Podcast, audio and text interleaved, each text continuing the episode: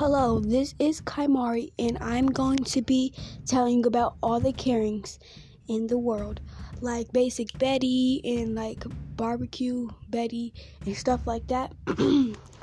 I mean, because I there should be more unracial things in the world, but yeah, I'm gonna be talking about those.